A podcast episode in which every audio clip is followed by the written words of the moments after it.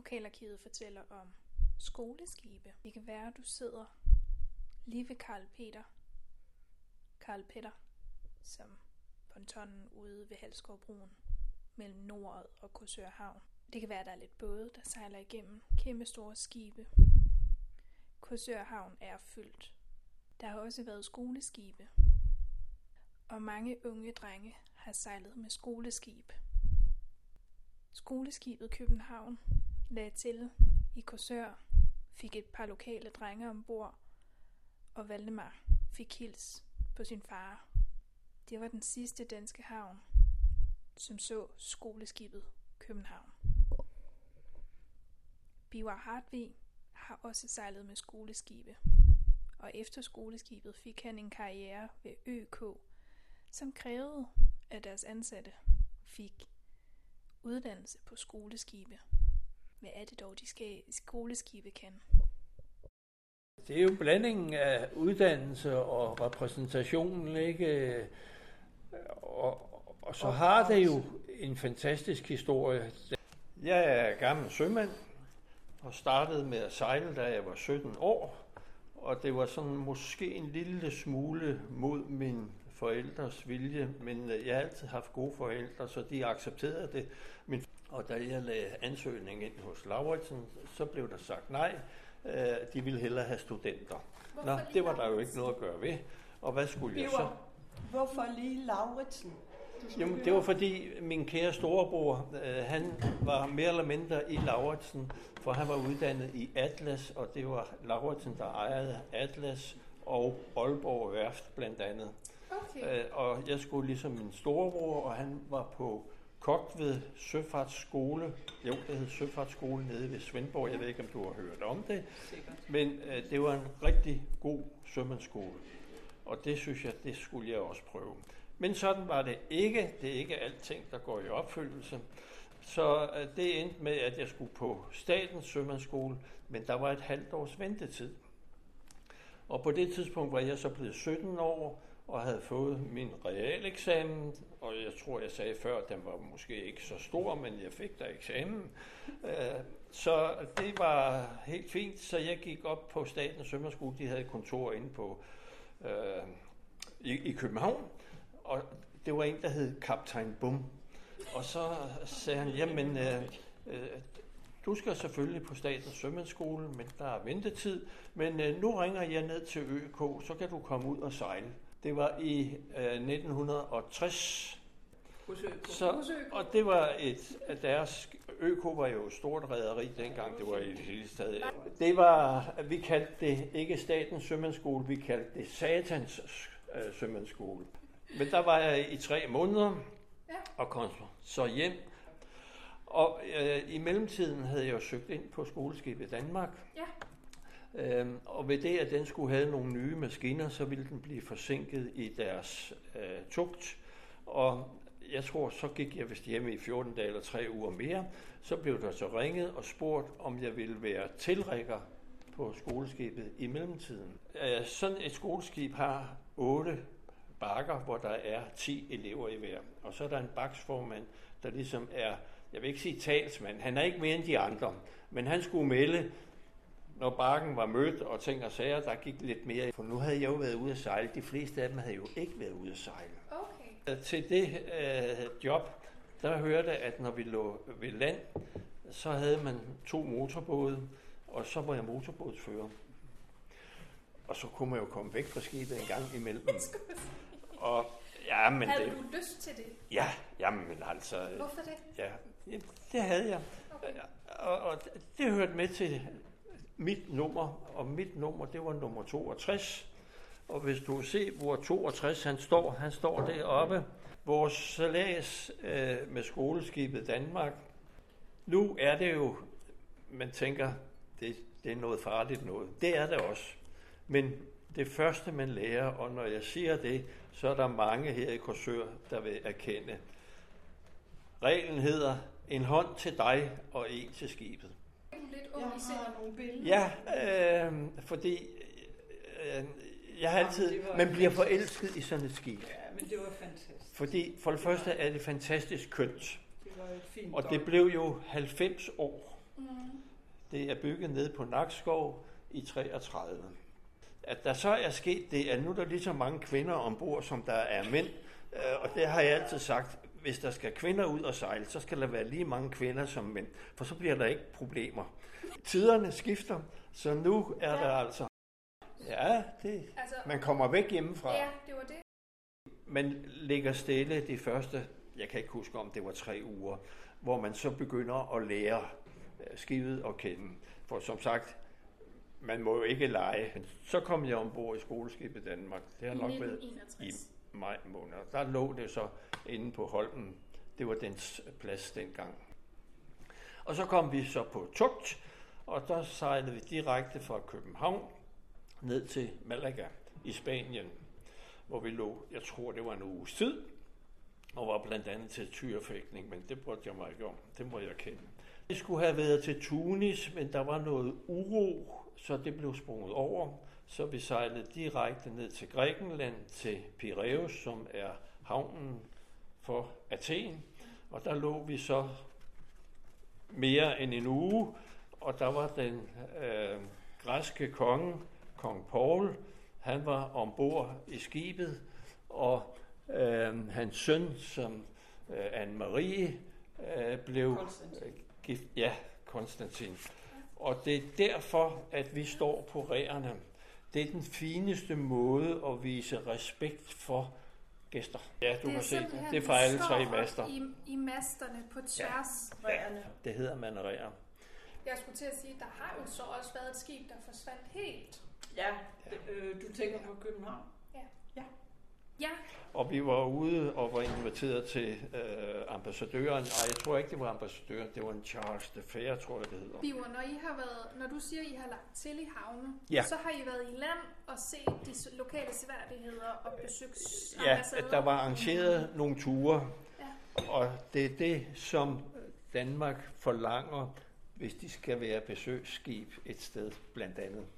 Så det er sådan repræsentanter for Danmark, I har været? Ja, da vi var færdige med Piraeus, så sejlede vi ud til en lille ø og lå til Ankers, og det var den bedste uge. Der lå vi og sejlede med, med bådene, med, med små sejlbåde, og så øh, blev skibet øh, det blev krænget, sådan så vi kunne skure den et stykke i Ja. vandlinjen. Alle tiders.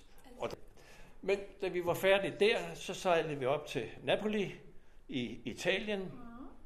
Øh, og der blev vi også inviteret ud. Der skulle vi jo blandt andet været op på Vesu, men den havde udbrud, så der kom vi ikke, men så kom vi ned i et andet. Øh, jamen, de har så meget krudt og kugler dernede i Napoli. Og vi så selvfølgelig også, øh, hvad hedder den, den gamle by der. Vi skulle, det var. Hold I-. Ja. Og der, det var meget interessant, for det var jo en stor øh, løsbådhavn med en masse store løsbåde. Løsbåde, der var større end, end Danmark.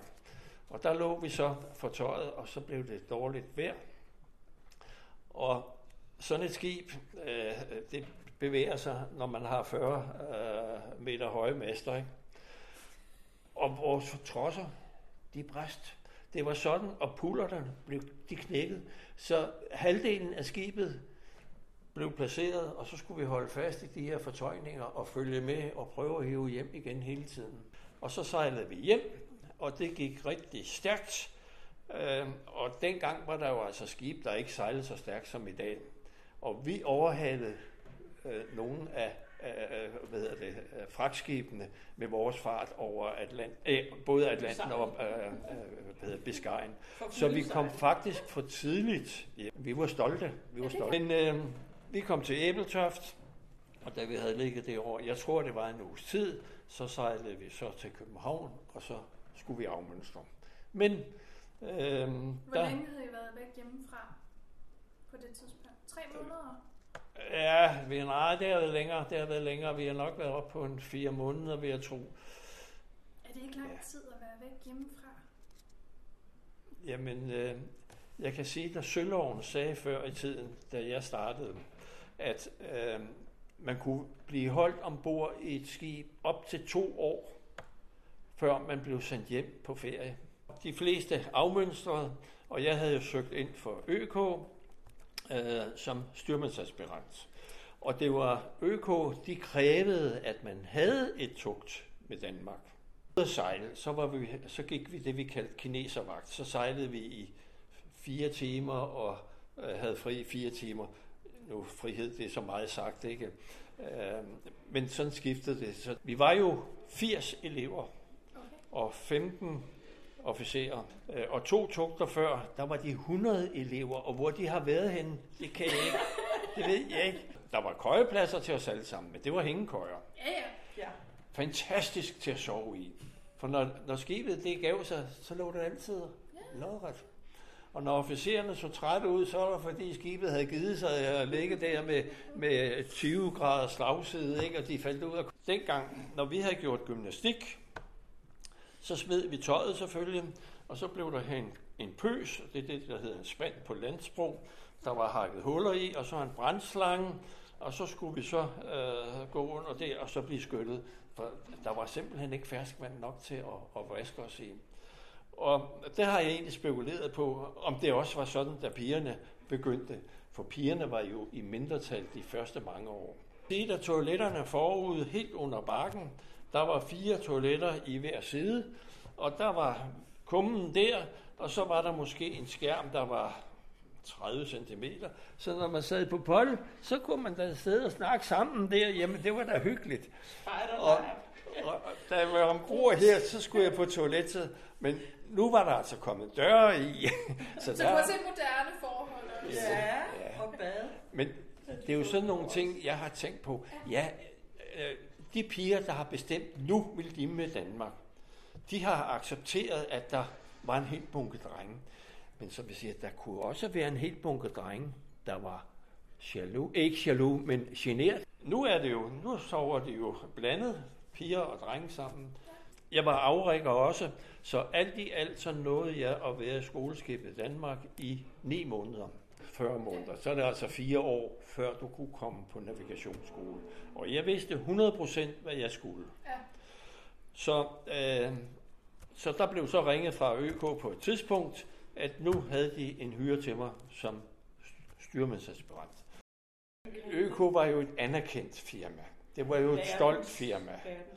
Øh, og øh, lige så stolt som Mærsk er i dag, vil jeg sige, sådan var ØK nok dengang. Der var en ånd i ØK.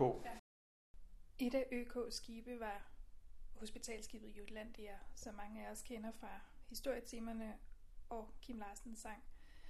Det var også ejet af ØK, og det biver ved et sygdomstilfælde strander i Bangkok, må han vente på det næste skib hjem under sin styrmandseksamen. Og han får lejlighed til at sejle med Jutlandia.